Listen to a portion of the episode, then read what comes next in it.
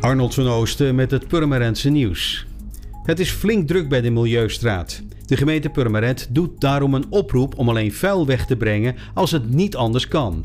De gemeente wil benadrukken dat een ritje naar de Milieustraat op dit moment geen uitje is. Veel bezoekers blijken weinig weg te komen brengen. Het verzoek is dan ook om voordat u in de auto stapt even de overweging maakt: is het echt nodig om nu naar de Milieustraat te gaan?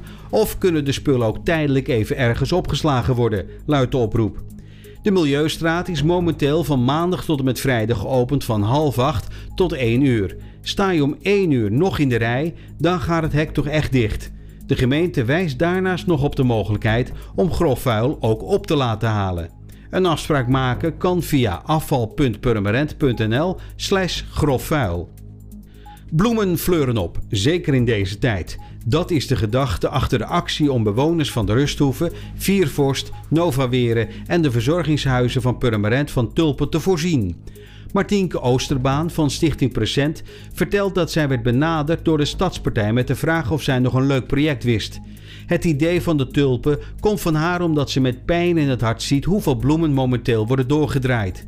Vervolgens heeft ze via het netwerk Hans Robbe Interieur en Flowers bij Jennifer met succes geenthousiasmeerd om aan de actie deel te nemen.